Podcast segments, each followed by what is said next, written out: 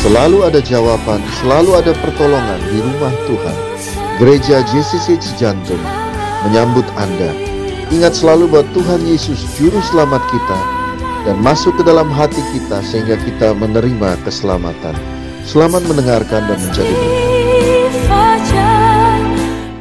Ini adalah sambungan dari tadi pagi. Uh, tadi pagi kita membahas tentang the backstory tentang uh, orang Majus, bagaimana mereka mengalami Tuhan, mereka uh, mengenal siapa pencipta dan Allah Elohim dan akhirnya kehidupan mereka diubahkan Tuhan.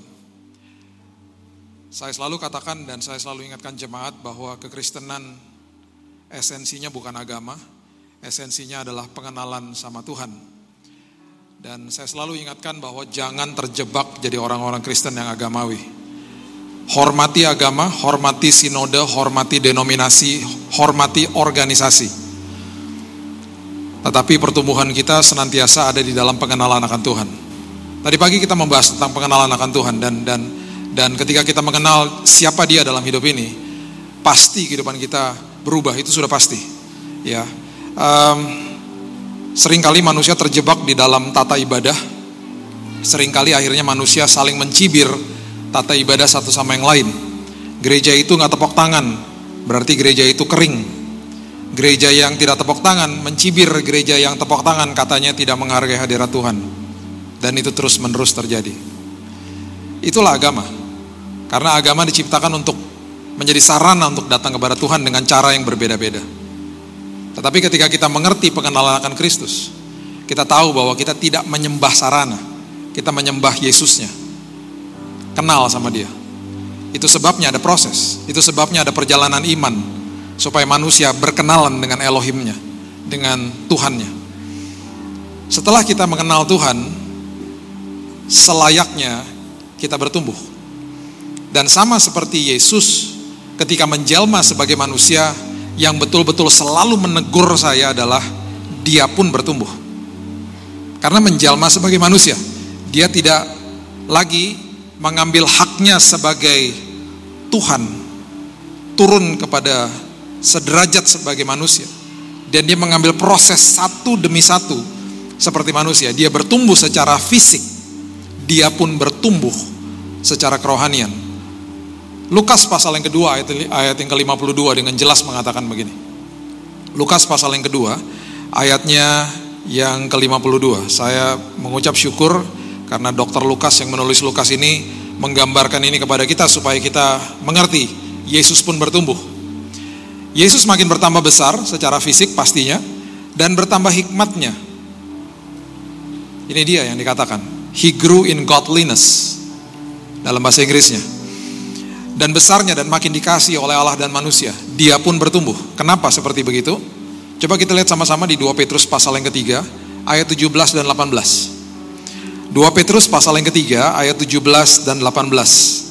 Firman Tuhan katakan begini.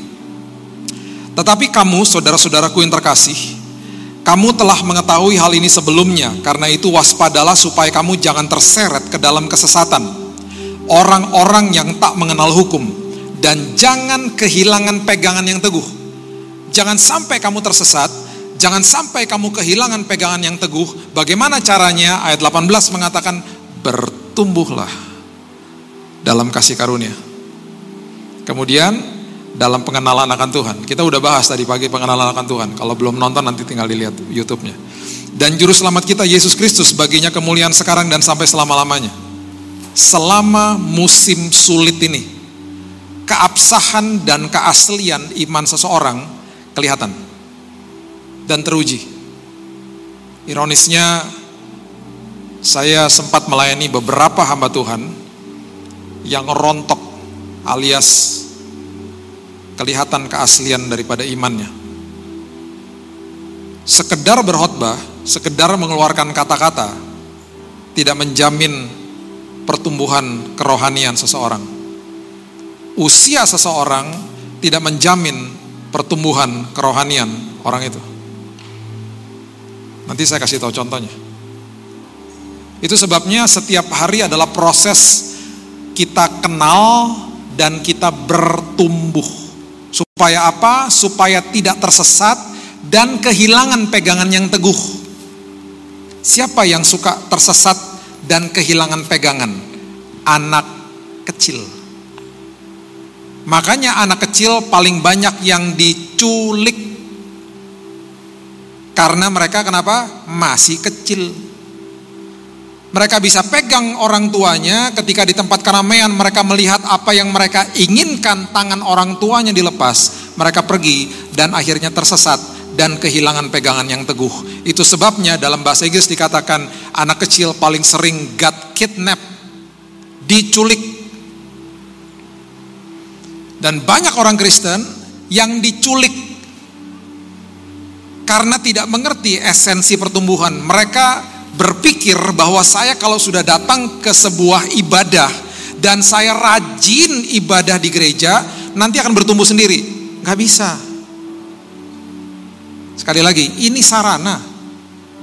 Pertumbuhan kerohanian adalah saya memberitahu diri saya untuk bertumbuh setiap hari dan itu sesuatu yang aktif dilakukan setiap hari. Supaya apa? Supaya saya tidak diculik supaya saya tidak hilang, supaya saya tidak tersesat. Itu maksudnya. Orang dewasa nggak ada yang tersesat.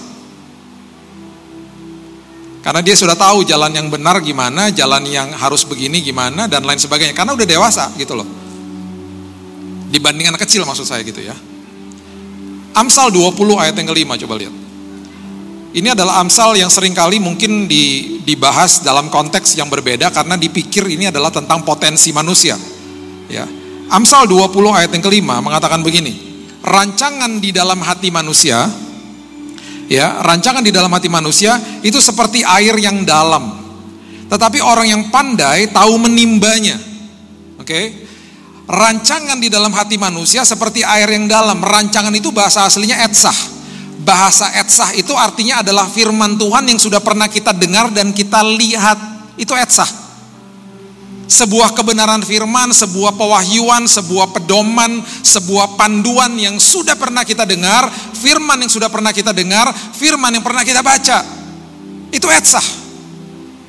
Dan itu terletak di dalam kedalaman kita. Kemudian dikatakan orang yang pandai tahu menimbanya. Menimba bahasa aslinya adalah dalah. Artinya adalah cakap untuk mengambil ember dan kemudian ditarik yang ada di dalam ke permukaan. Itu menimba. Yang sangat menarik adalah kata orang pandai.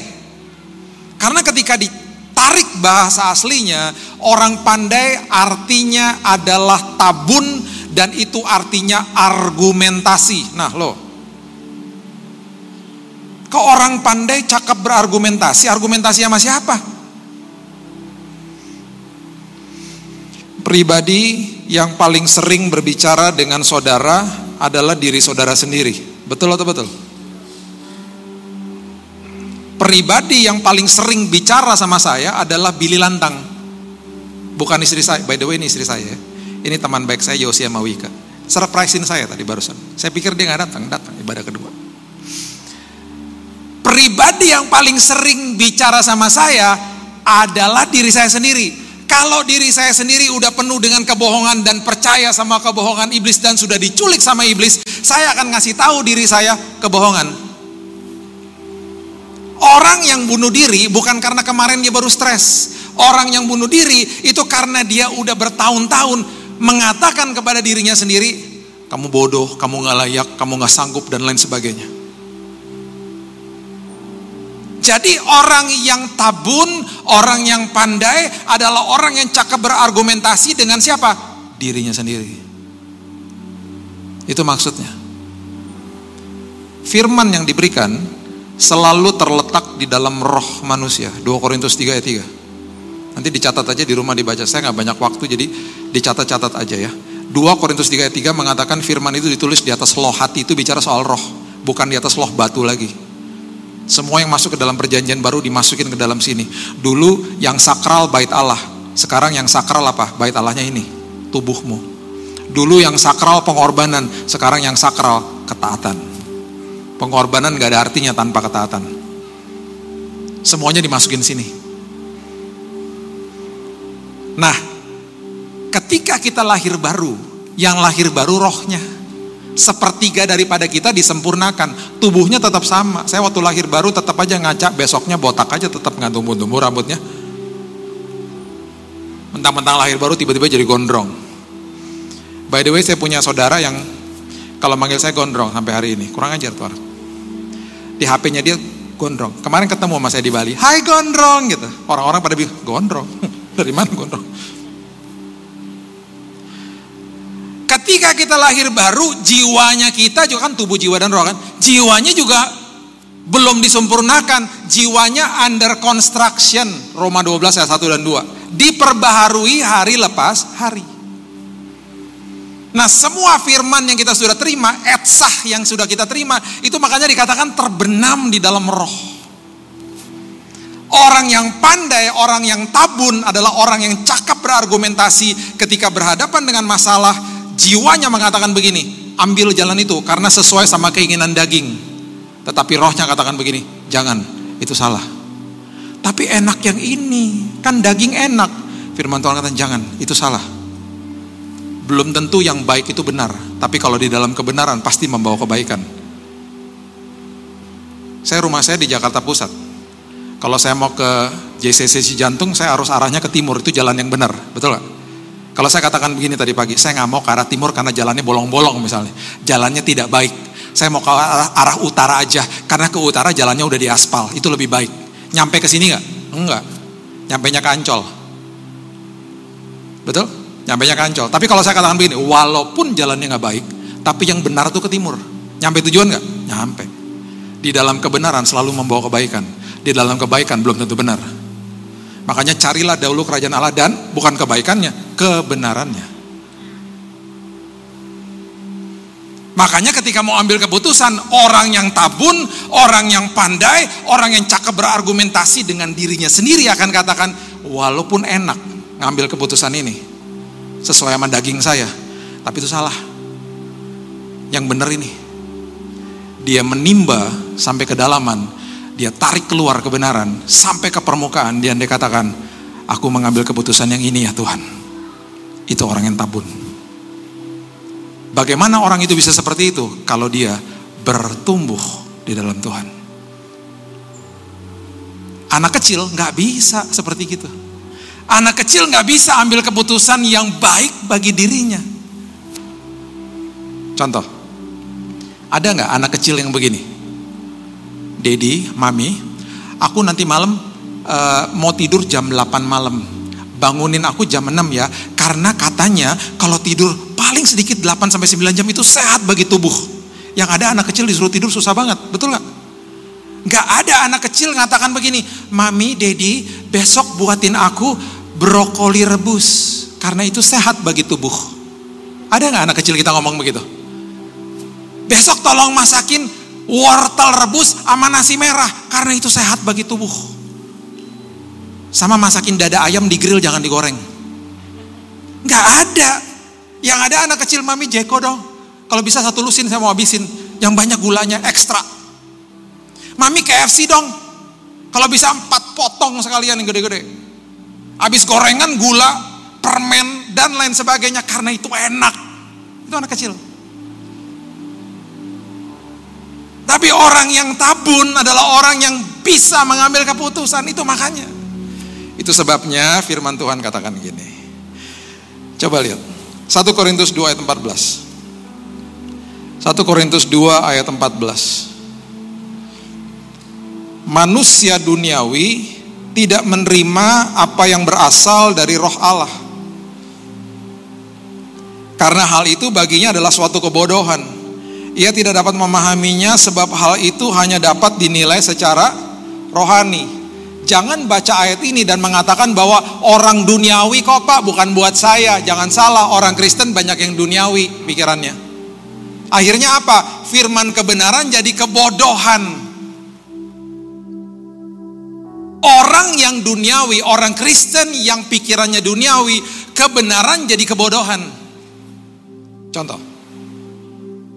Saya diajak ke galeri lukisan sama teman saya saya suka lukisan tapi nggak ngerti dunia lukisan.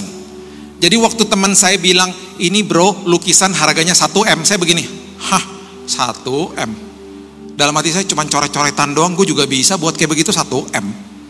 Lu bro, kalau lu lihat lebih dalam lagi tuh artinya gini gini gini gini gini katanya gitu. Saya lihat lebih dalam lagi, pusing saya. Karena saya nggak ngerti dunia lukisan. Dan akhirnya menjadi kebodohan bagi saya ketika teman saya bilang gini, itu udah ada yang beli. Hah? Ada yang beli? Dalam hati saya, gue juga bisa. Coret-coret begitu doang, karena abstrak banget gitu. Karena saya nggak paham dunia lukisan. Coba ya, sekarang saya kasih tahu gini. Saya, kita semua punya hobi kan, saya punya hobi juga. Kalau saya ceritain hobi saya, mungkin beberapa bapak ibu pasti merupakan kebodohan. Saya kolektor pesawat terbang, 350 saya punya. Mainan, jangan kaget. Kayak banget tuh hamba Tuhan. Pesawat P300 Garuda kasih gitu banyak. Mainan, ya, diecast skala 1400 segini-segini.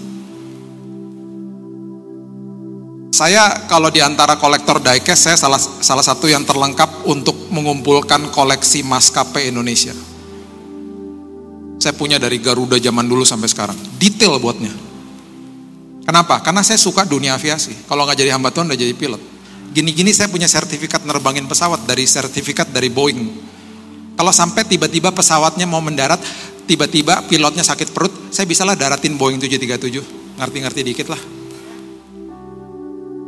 Karena saya suka dunia aviasi. Saya bisa lihat pesawat dari bawah, saya bisa tahu, bisa kasih tahu Bapak Ibu itu pesawat jenis apa, saya tahu. Karena mata saya udah terbiasa. Saya ada delay di airport, saya nggak masalah. Yang penting ada kaca gede gitu, saya bisa liatin pesawat turun naik turun naik nggak masalah saya. Saya suka-suka aja duduk situ main ngopi-ngopi liatin pesawat. Suka.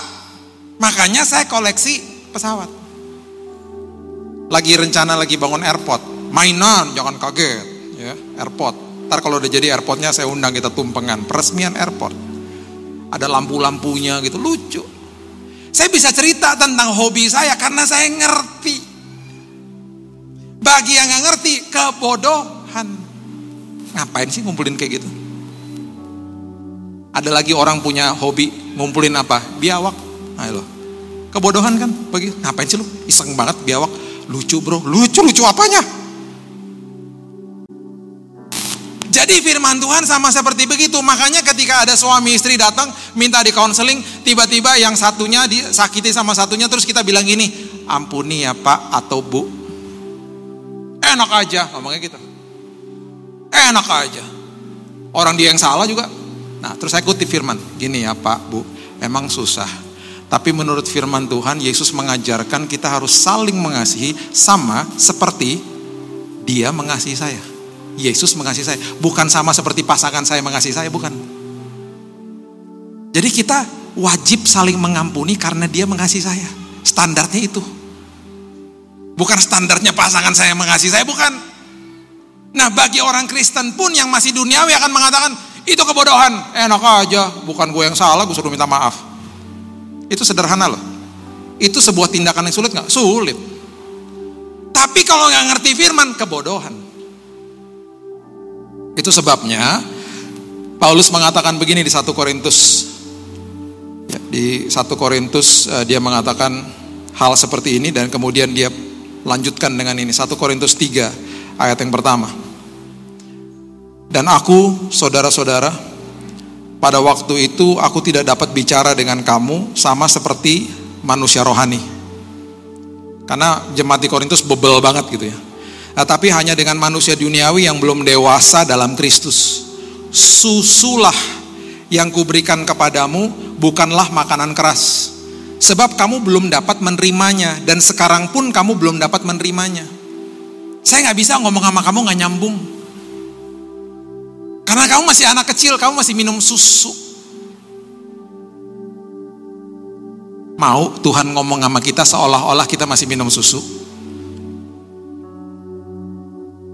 Kalau kita ngomong sama anak kecil gimana sih biasanya? Kita kalau ngomong sama anak kecil kan gini, halo, namanya siapa? Gitu, gitu kan? Apakah kita jadi anak kecil? Enggak, kita menjadi seperti anak kecil. Itu toleransi. Kalau menjadi anak kecil itu kompromi. Menjadi seperti anak kecil itu namanya toleransi. Supaya dia mengerti bahasa kita. Halo, namanya siapa? Itu bahasa yang kita bicara sama anak kecil. Bahasa itu saya nggak bisa bicara sama istri saya. Halo sayang, namanya siapa? Kamu habis khotbah dari JCC jadi aneh gitu dikasih apaan? Gak bisa. Mau apa Tuhan bicara sama kita seperti Paulus bicara sama jemaat di Korintus? Lu masih minum susu, gue gak bisa gak nyambung ngomong sama lu. Semua perkara besar yang dia mau titipkan bagi kita tertunda karena kita nggak bertumbuh. Ironis, ironis, sedih, sedih. Makanya di kotak Lego itu ada tulisan begini untuk umur 2 dan 4 sampai 4, umur 6 sampai 8, umur 10 sampai 16, ada lagi Lego teknik 16 ke atas. Waktu anak saya masih kecil, saya nggak mungkin kasih Lego yang 16 plus, rusak saya kasih sesuai sama umurnya. Ingin nggak saya kasih yang wah yang hebat paling hebat Oh iya, belum dewasa cuman. Sama aja Tuhan juga gitu. Di kantongnya banyak perkara besar yang dia mau titipkan untuk dikelola. Kita pengelola bukan pemilik. Akhirnya tidak dirilis sama Tuhan, tidak diberikan, tidak dititipkan karena nggak dewasa-dewasa. Nggak bertumbuh-bertumbuh.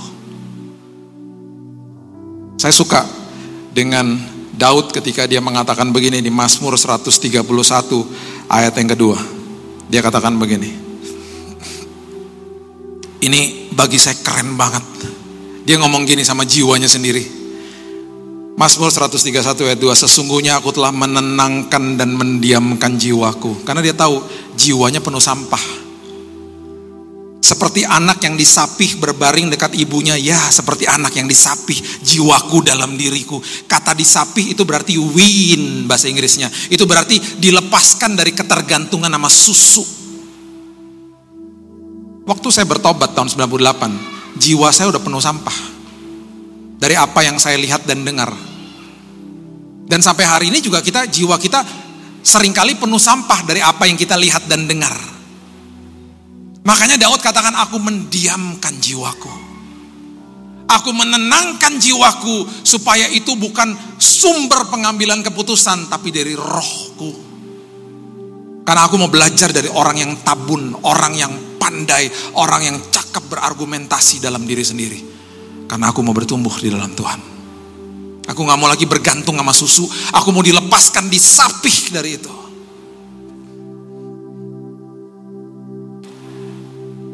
Ibrani pasal yang kelima ayat 13 mengatakan begini. Ibrani pasal yang kelima ayat 13. Sebab barang siapa masih memerlukan susu, ia tidak dapat memahami ajaran tentang kebenaran. Sebab ia adalah apa? Anak kecil. Itu sebabnya Yesus bertumbuh. Dia lagi kasih contoh sama kita. Saya datang bawa hubungan. Kemudian saya datang dan saya bertumbuh saya mau kamu bertumbuh juga.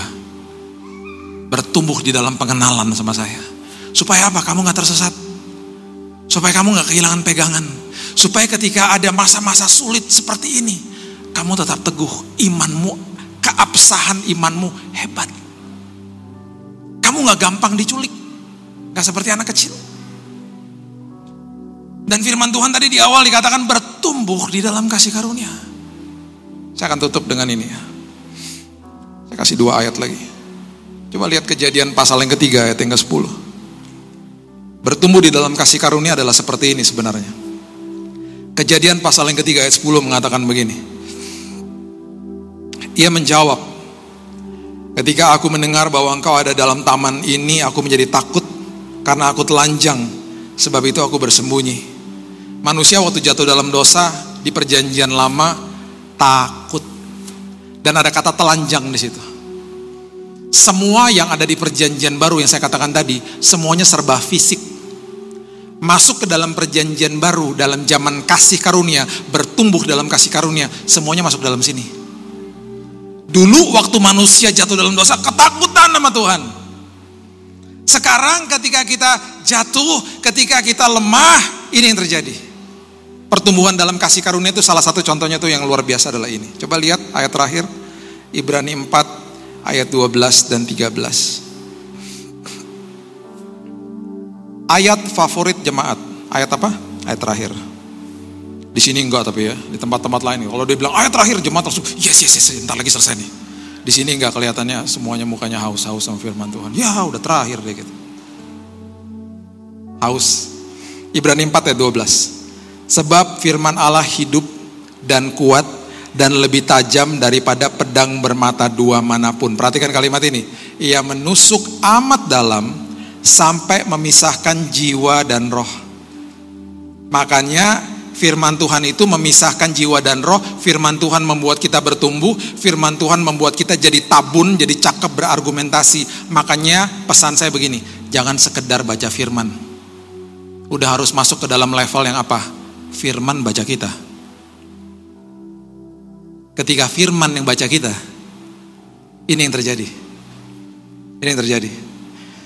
Sendi-sendi dan sumsum, ia sanggup membedakan pertimbangan dan pikiran hati kita Kemudian dikatakan di ayat 13, tidak ada satu makhluk pun yang tersembunyi di hadapannya, sebab segala sesuatu telanjang dan terbuka di depan mata dia yang kepadanya kita harus memberikan pertanggung jawab. Keluar lagi kata telanjang, kata terbuka dan telanjang di perjanjian baru artinya trakelizo. Trakelizo itu artinya terbuka sampai kelihatan sedalam-dalamnya. Yang terjadi apa? Bukan penuduhan dan penghukuman lagi, beda There is no condemnation. Tidak ada lagi penuduhan. Bapak Ibu jatuh, kasih Tuhan tetap. Tetapi bukannya berarti kasih karunia adalah tiket berbuat dosa, bukan. Kasih karunia mendidik. Dosa ada akibat, tapi itu bukan hukuman Tuhan. Ada akibatnya. Ada akibatnya. Kalau kita mengerti ini, kita akan mengerti prinsip-prinsip ini. Ini yang saya lakukan kepada kedua anak saya. Ketika mereka masih kecil, kalau mereka melakukan kesalahan, saya tidak pakai pakai metode begini. Anak siapa kamu? Saya nggak pernah pakai begini, saya pakai metode begini. Ini kasih karunia, dirangkul, bukan digini-giniin. Kamu tuh ya bandel banget sih, nggak nggak pernah saya begitu. Ketika mereka berbuat kesalahan, saya akan jongkok. Saya akan rangkul dia. Saya akan bilang gini, Dek, apa yang Dedi bisa buat supaya kamu tidak mengulangi perbuatanmu lagi? Langsung di dalam pikirannya dia, ayahku ada di pihakku, bukan berseberangan sama aku. Langsung saya bilang gini, apa dek yang harus aku perbuat supaya kita sama-sama satu tim nih, supaya kamu gak berbuat lagi. Dad, kalau sampai aku buat lagi, aku yang pilih hukumannya Dedet. Dedi ambil aja mainan-mainan aku yang aku suka. Jangan ajak aku ke tempat-tempat yang aku suka. Aku mau belajar untuk ngerti supaya aku gak buat lagi. Waktu dia buat lagi, ya salah lagi. Saya rangkul lagi. Oh nangis dong dia. Dad, aku tahu aku salah. Ambil deh mainan aku. Aku konsekuensi. Dia sakit hati gak sama saya? Enggak. Dia bertumbuh di dalam kasih karunia. Makin paham sama kasih Tuhan, makin gak mau buat dosa. Itu kasih karunia. Apa yang terjadi ketika mereka bertumbuh dewasa? Yang mereka lakukan adalah begini mereka tidak mau melakukan kesalahan. Kalau saya dan istri saya nggak di rumah. Kenapa? Bukan karena ketakutan. Karena hormat sama orang tuanya. Takut akan Tuhan itu bukan ketakutan sama Tuhan. Takut sama Tuhan adalah karena hormat sama Tuhan. Begitu besar kasihnya kepada saya. Sampai dia menjelma jadi manusia. Aku nggak mau buat dosa. Karena dia ada di pihak saya. Itu namanya pertumbuhan di dalam kasih karunia. Gak dituduh sama Tuhan. Disayangin. Saya tutup ya sama cerita ini. Di musiknya boleh naik. Saya tutup sama cerita ini. Saya nggak ngomong gini mentang-mentang saya ngomong, oh Pak Pendeta udah udah udah tingkat dewa, udah nggak enak aja. Saya manusia juga, saya pun bertumbuh. Dan saya nggak malu cerita seperti ini. Anak saya yang kedua masih sekolah online. Sekitar dua bulan lalu ada midterm tes. Kalau tes itu ya masih online dong. Anak saya ini adalah anak yang pandai dalam segala bidang kecuali matematika. Siapa yang suka matematika? Ih, cuman dikit kan? Tuh, cuman Wika doang yang suka. Yang lain pada saya juga gak suka. Sampai anak saya bilang gini, siapa sih yang ciptain matematika? Gak penting banget tuh pelajaran gitu. Gak ada yang pakai, enak aja gak ada yang pakai ya. Kamu gak pakai, tapi banyak yang pakai lah. Apalagi algebra tuh, siapa tuh orang? Ciptain, dia marah-marah. Karena susah bagi dia ulangan online. Angkanya 57 ya sayang. 57 dari 60. 60 lulus, 57 harus remedial, tes ulang. Dan dia bilang, Dad, aku dapat angka 57. Ya, ya udah kamu belajar deh. Remedialnya kapan minggu depan? Oke, belajarlah. Biasanya kalau habis remedial angkanya pasti lebih baik, betul nggak? Biasanya kan gitu.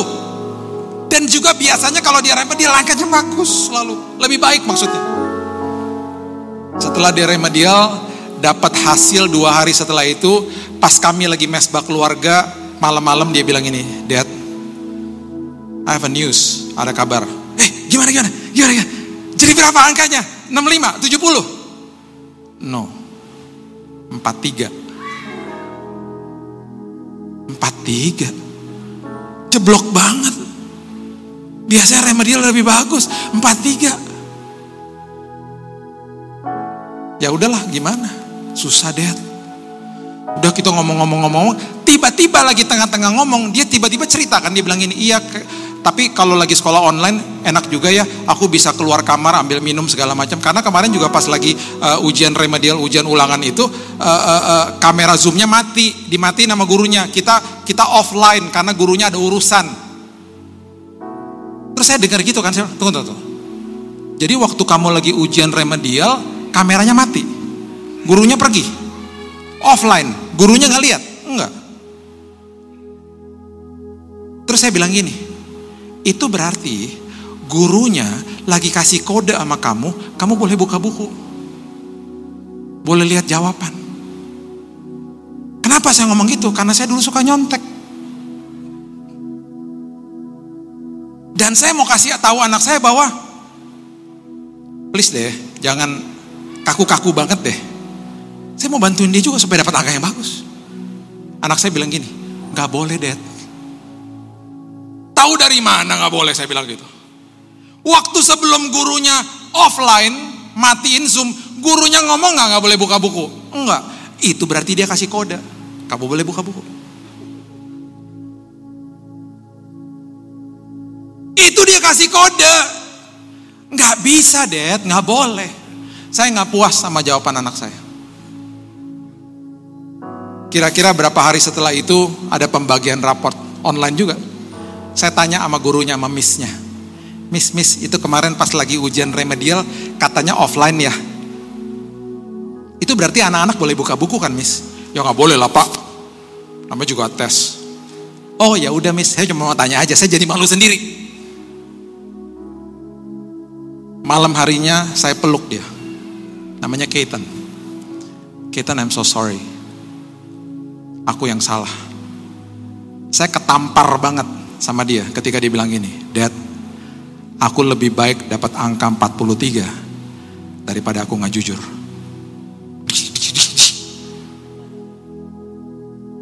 Aku lebih baik dapat angka jelek daripada aku tidak punya integritas.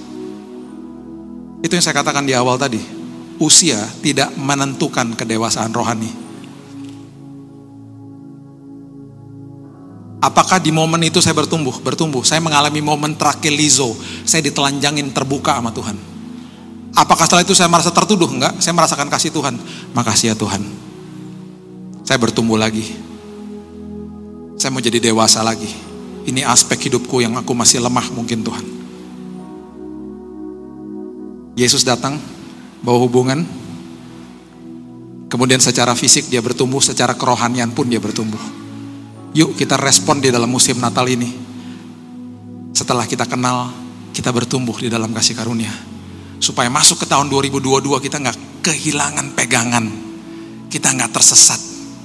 kita makin pakem di dalam Tuhan. Makin tajam di dalam pengenalan akan Tuhan. Mari kita tundukkan kepala.